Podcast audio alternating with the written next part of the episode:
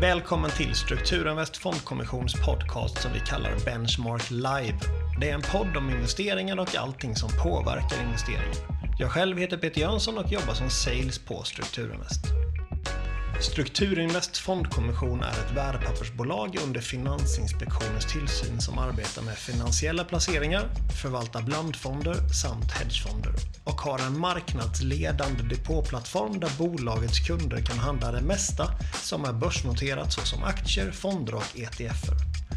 De olika instrumenten går att förvara i en ISK, försäkring eller vanlig värdepappersdepå. Strukturinvest Fondkommission har idag cirka 13 000 kunder som tillsammans har ungefär 14 miljarder kronor på sina depåer hos bolaget.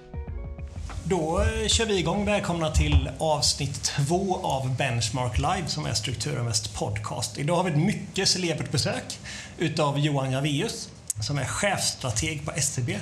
Eh, och Johan är faktiskt en av mina favoriter, en liten idol för mig att lyssna på när det gäller makroekonomi för jag tycker du pratar så väldigt enkelt och bra så att till och med sådana som jag förstår vad det handlar om lite. Så välkommen hit, kul att dig här. Hur mår Tack. du? Ja, jag mår bra. Tack så mycket för eh, vänliga ord. Mm. Vad, vad, när man är chefstrateg, vad gör man då?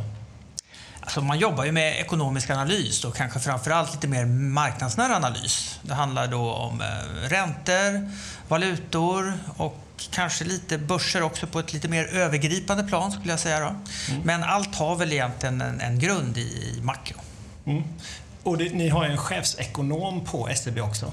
Mm. Vad, liksom, hur, hur, skiljer man på chefstrateg och chefsekonom? Vad har ni för olika arbetsuppgifter? Ja, men arbetsuppgifterna är väl relativt likartade. Sen har man alltid nischat in sig mot lite olika saker. Och, och Robert Bergqvist, som ju är bankens chefekonom, har ju lite ett övergripande ansvar då för prognoser som gör. Men i, i realiteten så sysslar de flesta som jobbar med makroanalys med ungefär samma frågor.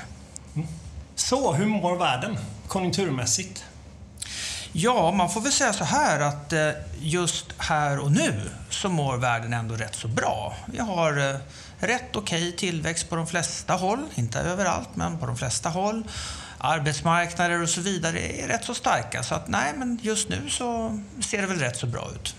Och, men just nu innebär det att vi kommer få se en förändring snart? Eller? Ja, men eh, som alltid så är, det ju framtiden man tenderar att vara mer intresserad av än hur läget ser ut just nu. I alla fall om man jobbar på marknaderna. Och, eh, det finns en hel del eh, orosmoln eh, just nu. Kanske eh, inte minst då globalt. Och, och, alla tenderar ju att titta, alla ekonomer tenderar att titta framförallt eh, mycket på USA eftersom det historiskt sett ofta har varit så att USA ligger alltid väldigt tidigt, oftast först i konjunkturen, så att det som händer i USA, det tenderar att hända i andra delar av världen då med en viss fördröjning. Så att ska man titta in i framtiden så är det bra att ha koll på läget i USA.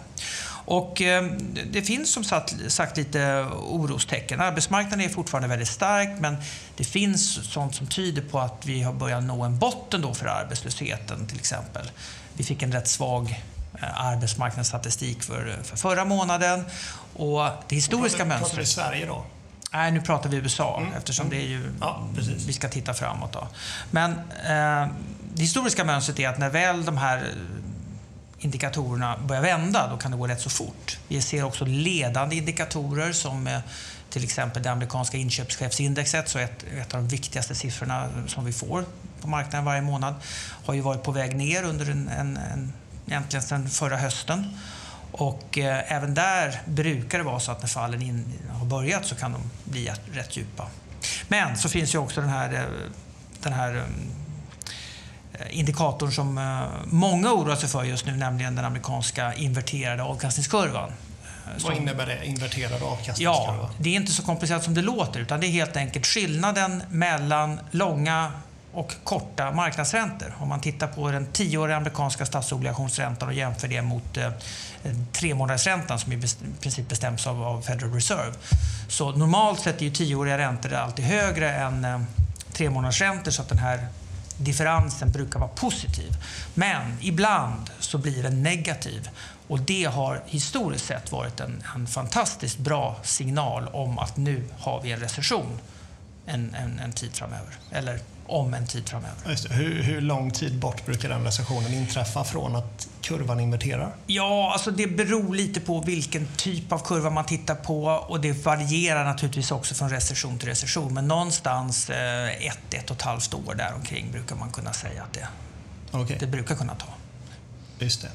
Och med tanke på det ränteläget vi har idag när vi har negativa styrräntor eh, känns det som att det är ännu mer avlägset om att den svenska eller europeiska kurvan skulle invertera med tanke på att vi inte har någon styrränta som är över noll ens.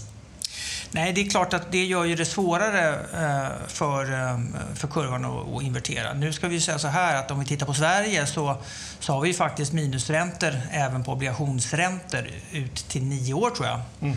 Eh, men det är klart att jag tror att den här signalen, den är någonting vi har bäst track record för. Den har funkat bäst just för USA. Och i och med att när man pratar om riskerna för konjunkturen framöver så är det mycket mer intressant att titta på vad som händer i amerikanska ekonomin och titta på vad som händer i, i Sverige. Vi brukar så att säga komma, komma lite senare.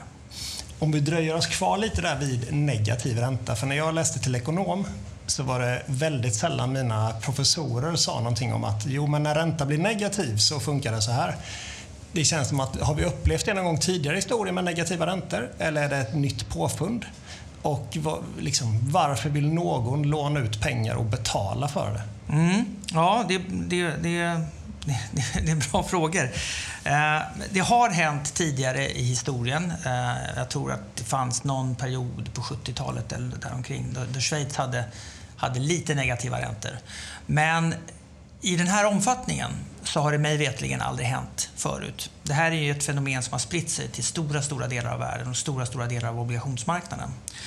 Och eh, man kan ju fråga sig vem är det som är intresserad av att låna, låna ut pengar och, och betala för att få göra det.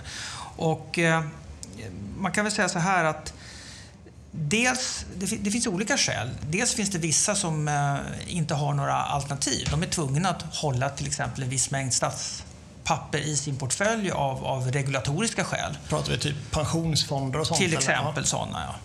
Eh, sen kan det också vara så att alternativen till att placera till lite negativ ränta är sämre. Eller du har inga andra alternativ. Du kan inte sätta allting på börsen. Det, det finns en massa skäl som talar för att du ska göra det också. Mm.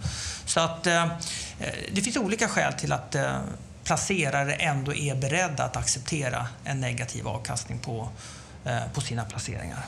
Hur länge kommer vi ha negativ ränta? Då? Ja, det är en, också en, en, väldigt bra fråga och en svår fråga att svara på. Eh, man kan väl Men jag vill gärna ha ett svar, tack. Ja, precis. Jag, jag, tror ju så här att det här är ingenting som kommer försvinna i brådrasket. Nej. Och eh, när vi först fick negativa räntor, det, det är faktiskt sju år sedan.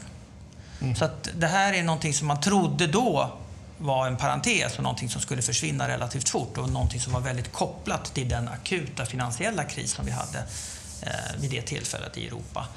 Eh, men sen dess så har det så att säga, bitit sig kvar och eh, så länge inflationen är låg i världen och i många stora ekonomier och centralbankerna är benhårt inställda på att försöka få upp den inflationen.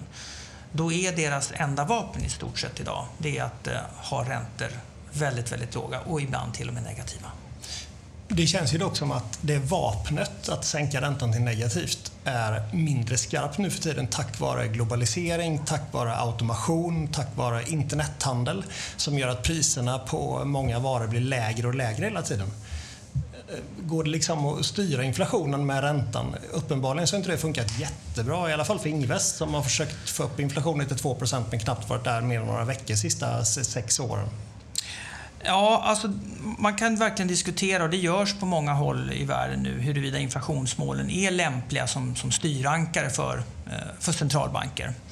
Och vi ska komma ihåg att när inflationsmål infördes, både i Sverige och en hel del andra länder under, under 90-talet framför allt, då kom vi från en era när det stora problemet i stort sett i alla ekonomier hade varit att inflationen var för hög.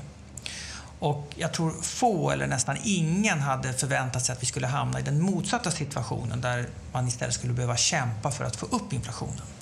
Idag så har vi en massa strukturella krafter som, som pressar priser runt om i världen. Globalisering är en sån kraft, automation, då, helt enkelt att maskiner blir bättre och bättre på att göra mm, arbeten som traditionellt har gjorts av människor, vilket pressar löner.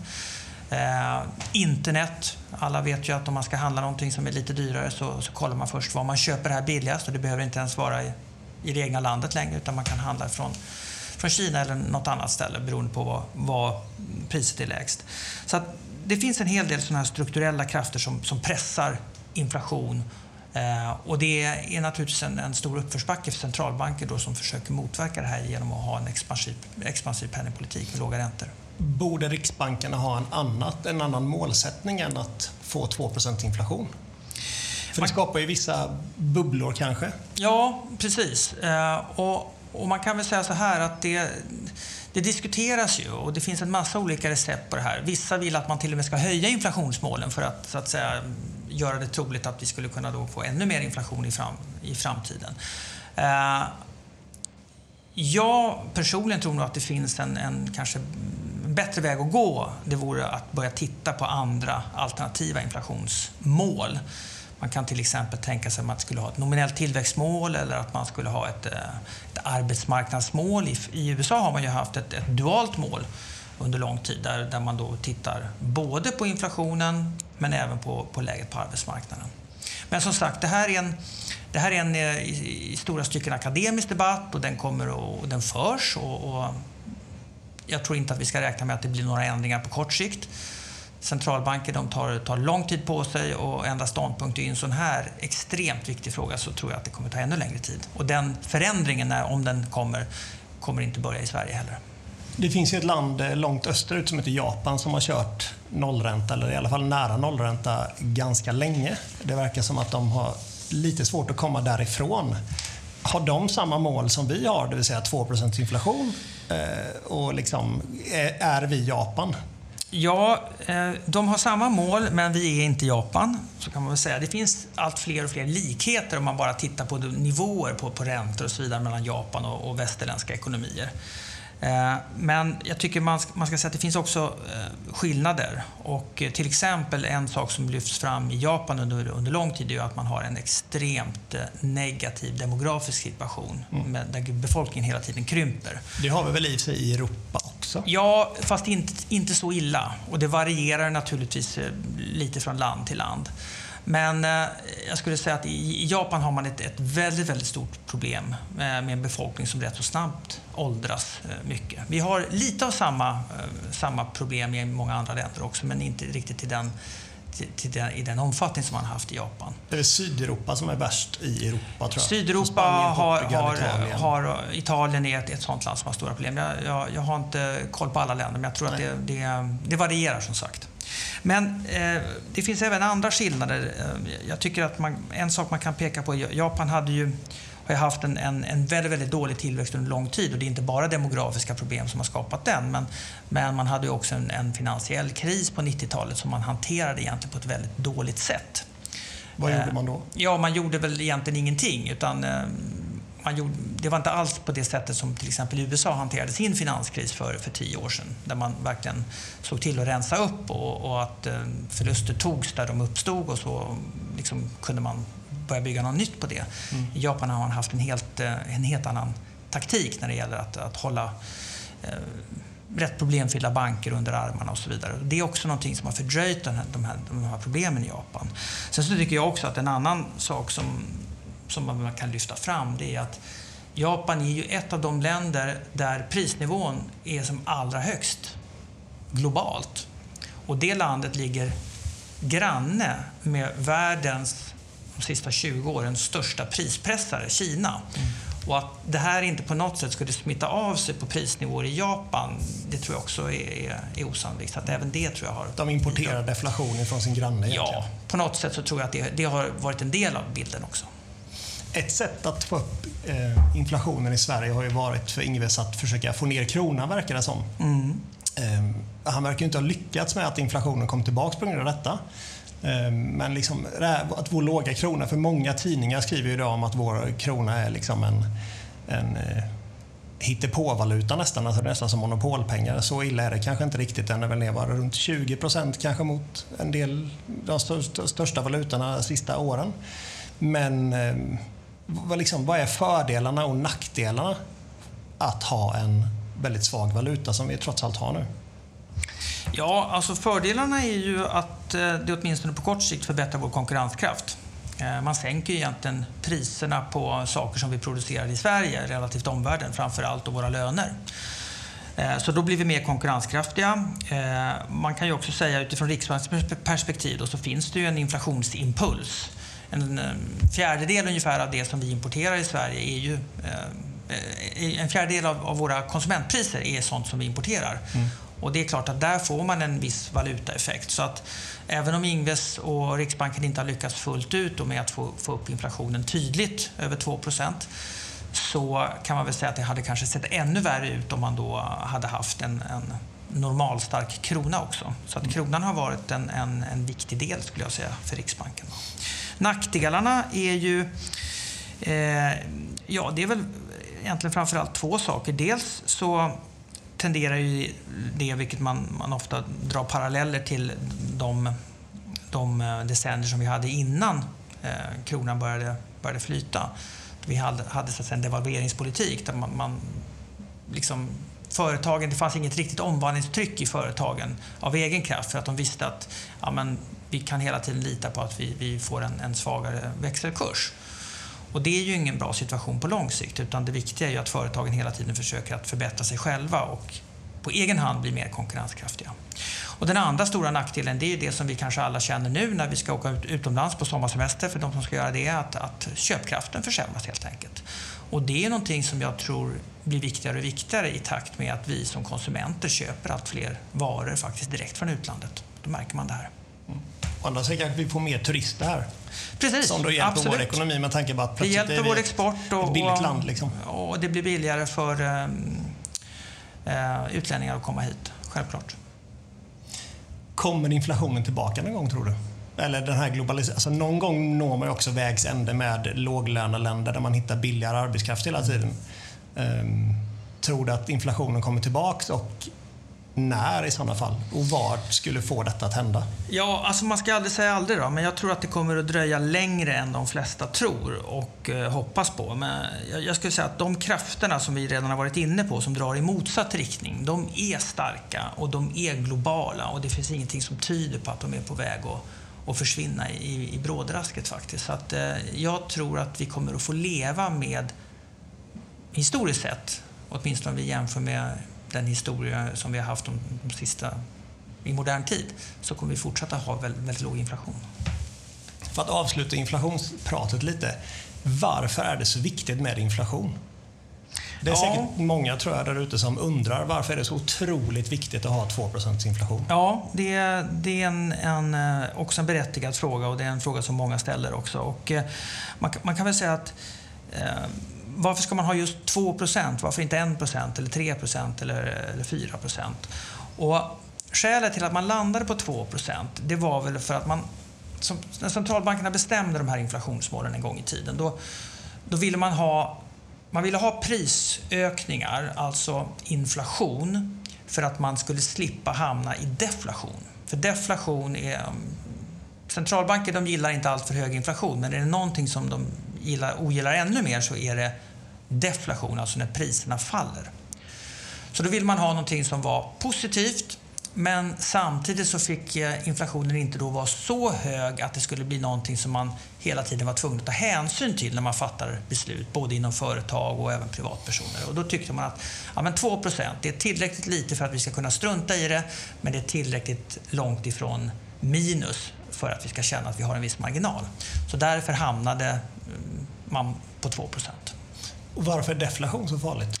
Ja. De flesta av de jag känner tycker om när det är billigt att handla och när priserna går ner. Till exempel TV-apparater. När mina föräldrar köpte en ny TV för kanske var tionde år så var det jättedyrt att köpa en TV. Mm. Och nu kostar det väldigt, väldigt lite. Och jag tror inte att det säljs färre TV-apparater idag Nej. än vad det gjorde för 20 år sedan. Nej. Nej, precis. Och det där är också en, en, en, fråga som har debatterats allt mer under, under senare år. Och det finns studier som har gjorts där man har tittat på... Jag menar, skräckscenariot, det är ju att om vi har fallande priser i en ekonomi så tenderar människor att eh, tänka så här att ja, men då väntar jag med att köpa de här grejerna som jag tänkt köpa därför att eh, om ett halvår så är de billigare. Och så tänker alla på det sättet och så plötsligt så blir det en väldigt, väldigt låg efterfrågan i ekonomin. Företagen får inte sälja tillräckligt med varor. De måste friställa personal som blir arbetslösa och de kommer efterfråga ännu mindre varor och tjänster. Och då har man den här negativa deflationsspiralen som är fullständigt förödande för tillväxten. Det är liksom the textbook. Det är det som är faran? Det är det som är faran med deflation. Men har man, när man har tittat på studier, eller gjort studier av ett stort antal länder under en, en lång tid eh, på, på, senare år, så har man egentligen hittat rätt så svagt, eh, svag koppling mellan tillväxt och deflation i varu och tjänstepriser. När det däremot handlar om deflation i tillgångspriser, det vill säga att våra aktieportföljer krymper eller våra hus blir mindre värda, då, då är det en annan sak. Men det finns mycket som tyder på att det kanske inte är så där fruktansvärt illa med fallande varu och tjänstepriser som man har kanske trott tidigare. Just det. Om vi går över Atlanten till USA Eh, så har ju vår eh, president Donald Trump varit president nu i två och ett halvt år ungefär. Och han verkar ha en agenda som är väldigt mycket emot globalisering. Han vill riva upp handelsavtal efter handelsavtal och försöka isolera USA så mycket som möjligt och skaffa tullar på alla importerade varor. Vad... Ehm, ja, är det bra eller dåligt med globalisering? Trump verkar ju tycka att det är rätt dåligt med globalisering. Mm, absolut. Och, eh, det beror ju naturligtvis på vad man har för perspektiv. Då. Men om man bara ska se till ekonomin och få den att växa så mycket som möjligt så skulle jag säga att det är absolut bra med globalisering. Och tullar, det är ju någonting som minskar handeln naturligtvis när man inför dem. Och det är någonting som gör det faktiskt sämre både för den som säljer och för den som köper.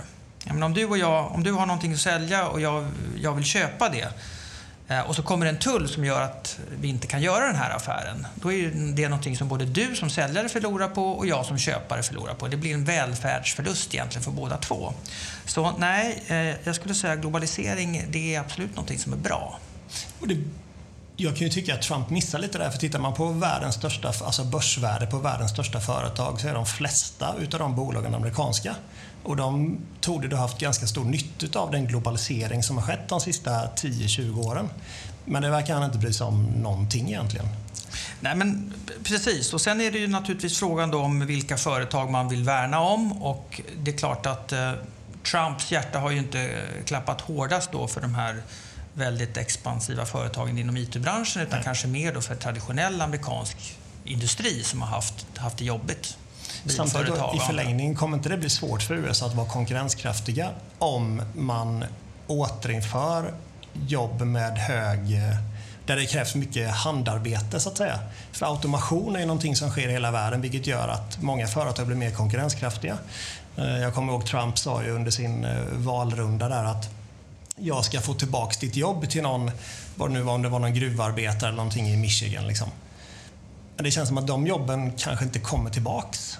Nej, och det är ju, jag tror att det är väldigt, väldigt eh, optimistiskt att tro att man kan vrida klockan tillbaks på det sättet genom att införa tullar på mm, några olika sektorer i ekonomin. Jag tror att det, det, det här är, är en strukturell förändring som eh, många västerländska ekonomier, inte minst den svenska, har gått igenom och man har egentligen bara anpassat sig till det nya läget. Handelskriget har ju påverkat riskviljan ganska mycket hos investerare. Så fort Trump lägger ut en ny tweet en sen kväll eller vad det kan vara så kan ju börsen falla med 5, 6, 7 procent på några dagar för att alla blir livrädda. Men hur, alltså de här tullarna mot Kina som det pratas kanske framförallt om just nu. Hur stor inverkan och påverkan kommer de ha på den globala ekonomin? Är det så stor del av ekonomin? Nej, alltså om man tittar på de tullar som USA och Kina har infört idag så är det egentligen bara 2 av, av världshandeln som omfattas av de här. Och då är det 25% tull på de 2 procenten, vilket innebär 0,5% av världshandeln i skatt. Ja, sen är det ju det är många länder som har tullar, men det här ja. pratar om en höjning av tullar. Ja, men, men, det är en liten del i alla fall. Och eh, jag tycker att den största faran med det här, det är ju att det kommer i ett läge då det, som jag pratade om tidigare, redan finns en hel del orosmoln kring konjunkturutvecklingen. Och då skulle man ju kunna tänka sig att även om det här inte är en jättesak i sig kan det ändå bli det som tippar investerarnas förtroende och optimism eh, åt fel håll och då, och då kan det få större effekter. Sen så tycker jag också att man ska eh, komma ihåg att sådana här handelskrig, eh, de, de, kan tendera att sprida sig också. Det kan ju bli så att om, om, Kina inte kan sälja sina varor till USA så kanske man försöker skicka en större del av dem till EU istället. Och då måste vi på något sätt för att skydda oss mot den här eh, chocken av i, mycket import från, från Kina kanske höja våra tullar och så har man ett, ett nytt handelskrig som, som är på gång på grund av det. Så att eh, det den här typen av konflikter tenderar att kunna bli väldigt komplexa och kunna växa snabbt om man så att säga låter dem löpa okontrollerat. En sak jag har tänkt på är om nu Trump inför tullar på mer eller mindre alla billiga varor som kommer in i USA så kommer priserna på dem att gå upp med sig 25 procent. Ehm, Trumps idé är väl att alla amerikaner kommer att köpa inhemskt producerade varor för att de är mycket billigare. Men samtidigt då, om jag känner företagare rätt så ser de en möjlighet att kanske dra upp priserna lite. Vilket då kommer ge en inflationschock mer eller mindre på amerikanska konsumenters eh, beteende och vad de köper för sina pengar. Är det en risk med handelskrig att inflationen ökar i ett land som då inför mycket sådana här tullar? Ja, det kan absolut bli en sån effekt. Eh, det är ju inte så att en 25-procentig tullhöjning på en vara, vi kommer inte få se inflation på 25 procent i USA, om vi säger så. Oh, men, men det är klart att en viss, en viss prishöjning kan det ju naturligtvis bli på produkter som börjar omfattas av, av, av tullar. Och Trump har ju försökt att få det att låta som att det är egentligen den kinesiska producenten som kommer att betala de här tullarna genom att sänka sina, sina så att säga, försäljningspriser. Men den, de studier som finns kring det här de pekar rätt entydigt på att det blir det importerade landets konsumenter som får ta det mesta av smällen. Mm. Det vill säga då i det här fallet amerikanska konsumenter. Sen så ska man inte dra slutsatsen av det här att det kommer leda till någon, någon ny trend för inflationen. För att på något sätt så blir det ju så att om du får en tullhöjning i år och så höjs priserna i år. Om inte tullarna höjs även nästa år så klingar den där inflationseffekten av efter ett år. Så att, eh, Eh, det enda stabila sättet att åstadkomma inflation över tiden det är att hela tiden ha löneökningar i ekonomin varje år som då gör att mm. företagen kompenserar sig med höja priserna. Någonting som Trump gillar att göra också det är att titta på sin framgång via hur amerikanska börsen går. Och amerikanska börsen går ju väldigt, väldigt bra och har gått väldigt bra ganska länge. Det känns ibland också som att vi är inne i en IT-yra 2.0. För tittar man på de största bolagen återigen då på amerikanska börsen så är det de här teknikbolagen som har väldigt, väldigt höga värderingar. Eh, utan att de egentligen tjänar några riktiga pengar. Och så var det ju för 19 år sedan också, vid ungefär den här tiden. Att det fanns bolag som var väldigt högt värderade utan att tjäna några pengar och nu är vi där igen. Har vi glömt av, liksom, har, vi, har vi glömt att lära oss av historiken? Eh, eller är det här liksom en, det, det, är annorlunda den här gången som det brukar heta att från och med nu behöver vi aldrig tjäna pengar igen, nu är det bara tillväxt som gäller. För det är de tillväxtbolagen som verkligen har gynnats när man pratar börsuppgång som Amazon och Netflix och vad det nu kan finnas mer. Mm. Eh, jo, absolut. Det finns ju en, en, en, en sån oro. Och svar på frågan, behöver bolag inte tjäna pengar igen? Jo, självklart så måste de göra det. Eh, men jag tror att idag så har vi ett läge där det dels finns väldigt gott om pengar i systemet och eh, de här pengarna är dessutom nästan gratis. Och det är klart att i, en sån miljö så tror jag att investerarnas tålamod med att vänta på avkastning är rätt så hög.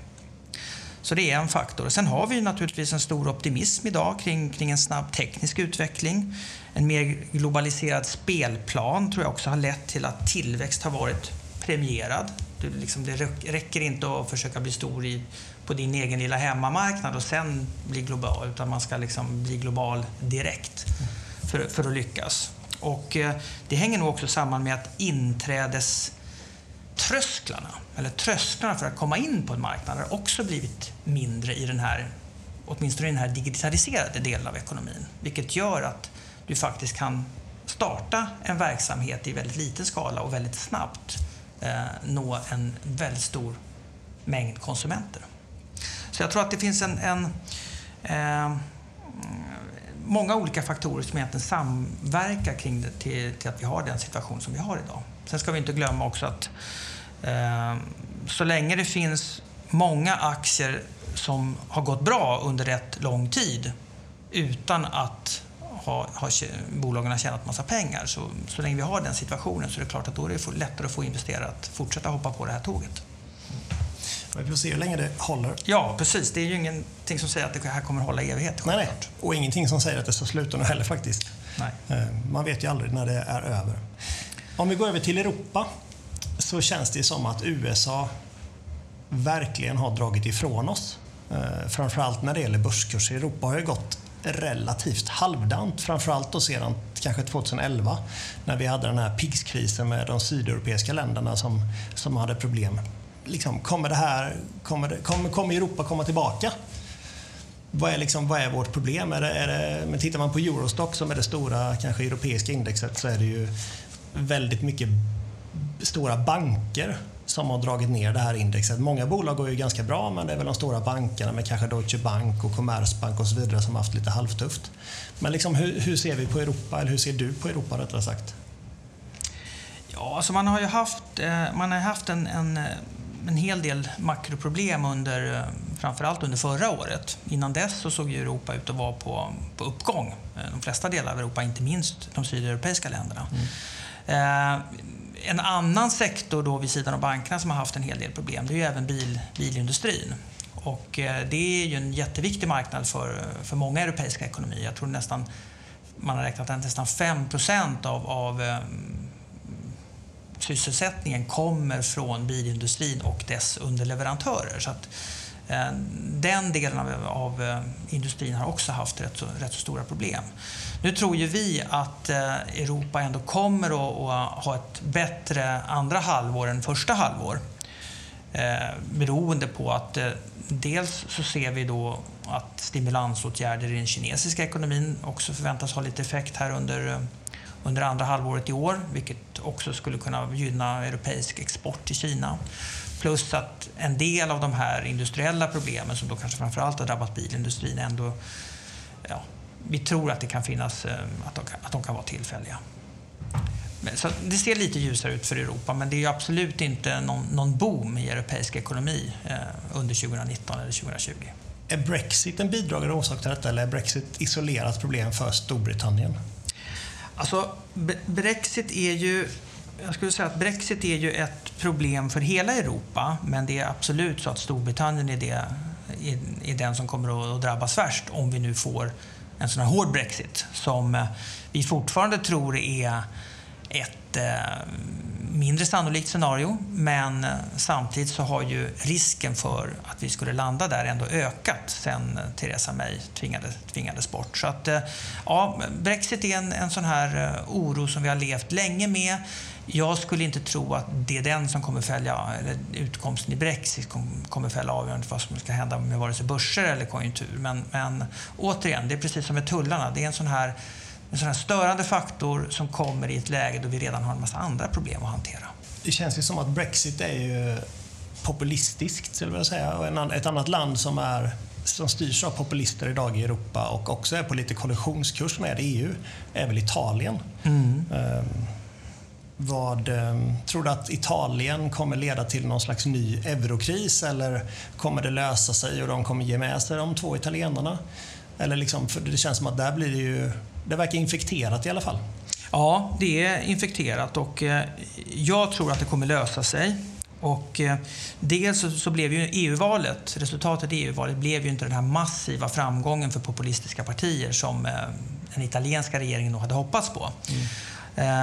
Så man får inte riktigt det, det momentum i att förändra så att säga, den politiska inställningen mot Italien på grund av det här valet. Det är ju en faktor.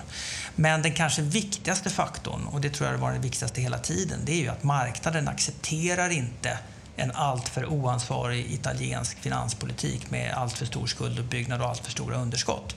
Därför då drar man upp räntorna på italienska statsskulden och den är enorm idag. Så att eh, den kommande EU-kommissionen tillsammans med marknaderna tror jag kommer fortsätta att kunna hålla eventuella italienska excesser i schack. Så skulle man kunna säga. Fint uttryckt. Om vi går över på tillväxtmarknaden och kanske framförallt Kina. Jag gissar på att Kina kommer att ha det lite tuffare tack vare de här handelshindren. Det är också så att Kina äger en rätt stor del av USAs statsskuld och en del börjar ju prata om att det är deras liksom sista vapen att sluta köpa amerikanska statspapper och kanske även sälja av de statspapperna som de har. De har väl om det är 7% som de äger av USAs statsskuld, tror jag läst någonstans. Eh, ser du det som en risk eller? Ja, egentligen så tror jag inte att det är en jättestor risk. Jag tror inte att Kina kan välja att sälja av eller köpa statspapper. Utan man, vad man gör är att man väljer att ha en, en, en viss växelkurs mot dollarn. Alltså man väljer att stabilisera sin valuta mot dollarn så att den ska vara någorlunda stabil över tiden och sen kan man ha en trend i att den ska förstärkas eller försvagas beroende på vad man vill. Då. Men, men det är egentligen det som styr hur mycket, hur mycket stats papper, hur mycket amerikanska statspapper man måste köpa eller sälja. Tillsammans då naturligtvis med de inflöden som, som kommer till Kina hela tiden. Eh, så jag är inte så orolig för att man ska använda sitt innehav av amerikanska statspapper som ett, som ett vapen i det här spelet eh, eh mot Trump och mot USA. Sen är det så att kinesisk tillväxt har ju varit under viss press, men jag tycker ändå att kinesisk ekonomi är förhållandevis stabil. Och förra året så hade man en svacka där man försökte få bukt med en alltför vidlyftig utlåning. Eh, och det resulterade i minskad tillväxt. Men sedan dess så har man lanserat en, ny, en del nya stimulansprogram. Man har eh, gjort skattesänkningar för hushåll för att få dem att konsumera mer och man har eh, lanserat mer investeringar så där som ska sjösättas. Och, och de här sakerna bör få positiv tillväxteffekt under, under andra halvåret.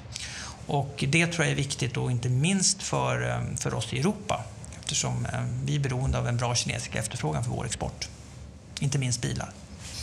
Övriga tillväxtmarknader, vad, eh, hur går det för dem? För det var väldigt mycket snack om tillväxtmarknaden, framförallt kanske vad kan det vara, 2010, 2011, 2012 då de var liksom superheta. Sen dess har det varit lite mindre starkt, men alla skulle ha tillväxtmarknadsfonder och nu är det mer liksom USA och Sverigefonder skulle jag säga att slutkunderna önskar. Ja, och jag skulle säga att situationen har vi inte ändrats dramatiskt på något sätt. Eh, tillväxtmarknader, ju mer långsiktig man är, desto mer tillväxtmarknader ska man ha. Det, är, det är min egen enkla regel i alla fall. Och eh, problemet med dem det är naturligtvis att de, de, de är mer riskabla och jag tror att är man, är man lite pessimist och tror att vi går mot, en, eh, mot sämre tider, då tror jag att då kanske det är fel timing att öka upp sin portfölj med, med mer tillväxtmarknader. Eh, är man däremot optimist och tror att det här kommer att lösa sig och det blir ingen, ingen, ingen stor svacka eller ingen långvarig svacka, då, ja, då kanske det är en, en, bra, en bra idé. Någonting som skulle kunna få aktier överlag att gå ganska bra är väl ett avtal mellan Kina och USA gissar jag på? Absolut. Det är ju det som, det är den största, största frågan just nu för, ja. för börserna. Och det känns väl också som att det ligger lite i korten, för jag tror väl att både Trump och Kina vill kunna visa ett avtal där båda kan säga att de är vinnare. Ja, det är absolut. Och det har ju varit lite faktiskt både min och, och, och större delen av marknadens syn under rätt lång tid att, att det här kommer att lösa sig. Och så ändå sitter vi här nu efter rätt lång tid och det har inte löst sig. Och eh, ja, man börjar bli lite luttrad så att man vågar inte riktigt ta ut någonting i förskott längre. Men, men vi hoppas ju nu på det här G20-mötet som ska gå av stapeln i, eh, i slutet av juni och att man kan komma fram till någon sorts samförstånd där. Men, men eh, säkert är det inte. Om man går ännu längre ut på riskskalan så finns ju frontier market, det vill säga sådana marknader som ännu inte blivit tillväxtmarknader. Mm. ibland så, vissa säger att de är frånkopplade den globala ekonomin lite mer med tanke på att de inte har lika mycket internationell handel och så vidare. Kanske inte berörs på samma sätt av konjunktursvängningarna i Europa, Japan, USA, Kina och så vidare. Mm. Är det någonting att liksom är det någon som pratar om det, att det skulle vara intressant att investera i? Är det ännu längre sikt som krävs där kanske? Ja, absolut. Eller kanske ännu mer riskvilja. Mm. Eh, jag har svårt att se egentligen att några marknader är frånkopplade vad som händer på de stora marknaderna. Eh, även om du skulle ha den vyn att, att de här marknaderna kanske är, är mer isolerade i, i sina ekonomier så är de absolut inte isolerade när det gäller kapitalmarknader. Om det uppstår en, en, en stor sättning på de globala börserna där plötsligt alla vill ha säkra tillgångar så kommer det naturligtvis drabba kapitaltillförseln och inflödena även till de här länderna. Och, och det kommer, kommer eh, det resultera i nedgångar också. Det är kanske där man tar ut pengarna först, med tanke på att det är det mest Normalt sett så är det ju faktiskt så att eh, man, man, anar man att det blir kris, då är det de mest riskabla typerna av tillgångar som drabbas hårdast. En annan tillgång som, som har åter är på ropet får man väl säga är bitcoin med ja, det är väl om det är några hundra procents uppgång i år till och med, men det känns ju som att eh, det finns väl två läger. De som tror att bitcoin kommer gå till 100 miljoner dollar per bitcoin och de som tror att det kommer gå till noll.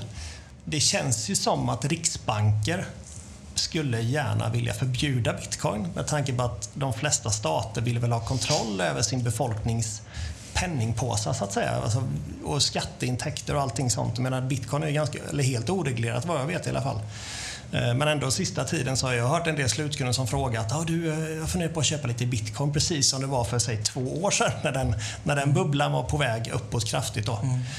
Jag gissar på att du har svårt att uttala det om bitcoin är på riktigt eller om det är, om det är luft så att säga. Men... Nej, men alltså jag är, jag har varit under rätt många år en, en rätt positivt inställd till fenomenet. Eh, och då tänker du på blockkedjetekniken ja, eller på kryptovalutor? Kanske även kryptovalutor då. Eh, jag, jag, tror att det här fenomenet kryptovalutor är någonting som ändå är här för att stanna. Sen så innebär ju inte det att eh, den här tillgångs, de här typen av tillgångar kan drabbas av, av bubbelprissättningar. Det var ju alldeles uppenbart att så var fallet i slutet av 2017. Eh, och sen ett väldigt stort fall. Men om man går tillbaks till bitcoins historia och ser på hur den här eh, tillgången har utvecklats hittills så är ju den fylld av precis samma, samma mönster. En stor uppgång och sen en, en, en kollaps. Och sen är det ett tag där det lever lite i, i skymundan och sen en stor uppgång igen. Skillnaden förra gången det var ju att då hade det här fenomenet blivit mycket mer spritt och det var någonting som faktiskt pratades om på i stort sett varenda restaurang man satt på under, under, under december och, januari där under årsskiftet förra året.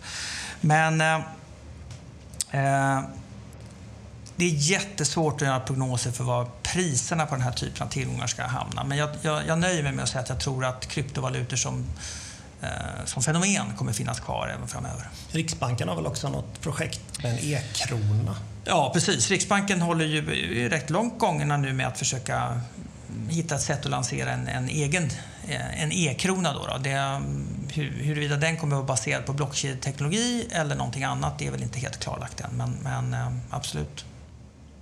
Det var nog ungefär det jag hade på agendan. Vad Är det någonting du känner att vi har glömt att beröra som du tycker är viktigt? Alltså, vi har ju säkert glömt en massa saker då. Med, kanske det här med AI, artificiell intelligens, är någonting som jag tror kommer ha väldigt stor påverkan, inte bara på finansiella marknader och, och, och, och företag, utan eh, faktiskt på de flesta människors liv. Men, men eh, jag tror att vi sparar det till någon annan gång faktiskt. Det kan vi göra. Tack så jättemycket för att du tog dig tid Johan. Ja. Eh, det har varit mycket intressant och jag vet att våra kunder uppskattar detta jättemycket också. Tack så mycket. Tack själv. Det du hört i denna podcast ska inte ses som rådgivning rörande finansiella placeringar eller investeringar, bokförings-, skatte eller juridiska frågor. Du ska inte basera dina investeringsbeslut på det som framkommit i podcasten. Kontakta alltid din rådgivare för att bedöma om en placering eller investering är lämplig för dig.